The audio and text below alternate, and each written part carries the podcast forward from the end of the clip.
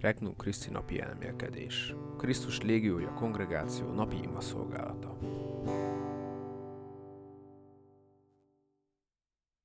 Amint engem szeret az Atya, úgy szeretlek én is titeket. 2023. május 11. Húsvét 5. hete, csütörtök. János evangéliumából 15. fejezet. Jézus így tanított az utolsó vacsorán. Amint engem szeret az Atya, úgy szeretlek én is titeket. Maradjatok meg az én szeretetemben. Ha megtartjátok parancsaimat, megmaradtok szeretetemben, ahogy én is megtartottam atyám parancsait, és megmaradok az ő szeretetében. Ezeket azért mondtam nektek, hogy az én örömöm legyen bennetek, és örömötök ezzel teljes legyen. Bevezető ima. Drága Jézusom, köszönöm neked azt a tökéletes szeretetet, amelyel szeretsz engem. Köszönöm, hogy szüntelenül tárt karokkal vársz, és vágysz arra, hogy találkozzunk. Most eléd jövök, és kérlek, tágíts ki a szívemet. Szeretném befogadni a szeretetedet. Kérés. Uram, segíts elengednem félelmemet, hogy méltatlan vagyok szeretetedre. Elmélkedés 1. Életünk legfontosabb kincse a szeretet. A boldogságunk azon múlik, milyen mértékben részesülünk szeretetben. Legmélyebb vágyunk, hogy részesüljünk mások szeretetében.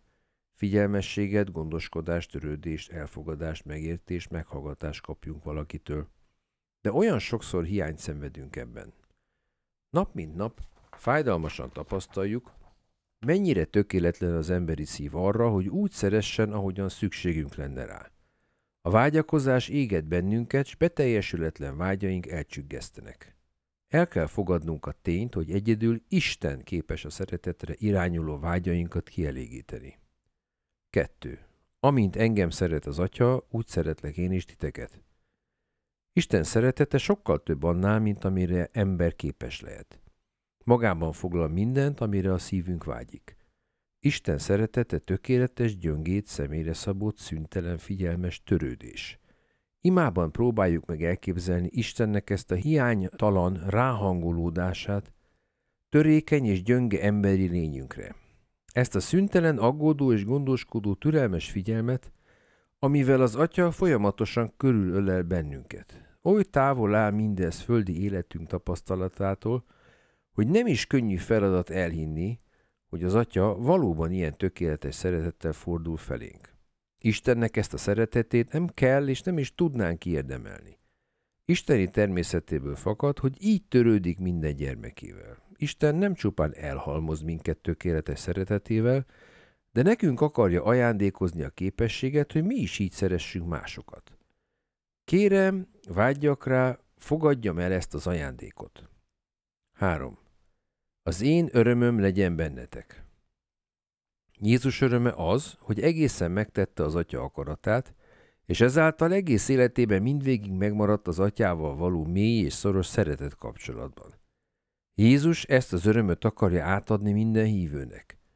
Ő felajánlja nekünk szüntelen segítségét ahhoz, hogy az atyával való mély szeretet kapcsolatot megvalósíthassuk az életünkben. De vajon én éleke ezzel a felajánlott segítséggel? Akarom-e ezt a csodálatos kapcsolatot Istennel? Megteszem-e az én emberi részemet ennek érdekében? Beszélgetés Krisztussal Jézusom, te szüntelenül lángoló szívvel vágyódsz arra, hogy megérinthess engem szereteteddel. Meg akarsz ajándékozni törődéseddel, figyelmeddel, gyöngétségeddel. Én pedig oly vak és süket vagyok vágyaidra és szüntelen ölelésedre. Nyisd meg szemeimet, pújítsd meg kőszívemet, hogy felismerjem szüntelen szerető közelséged. Elhatározást. Imádkozom azért, hogy hinni tudjak Isten határtalan szeretetében irántam. További tartalmakért még ma látogass el a regnumchristi.hu weboldalra.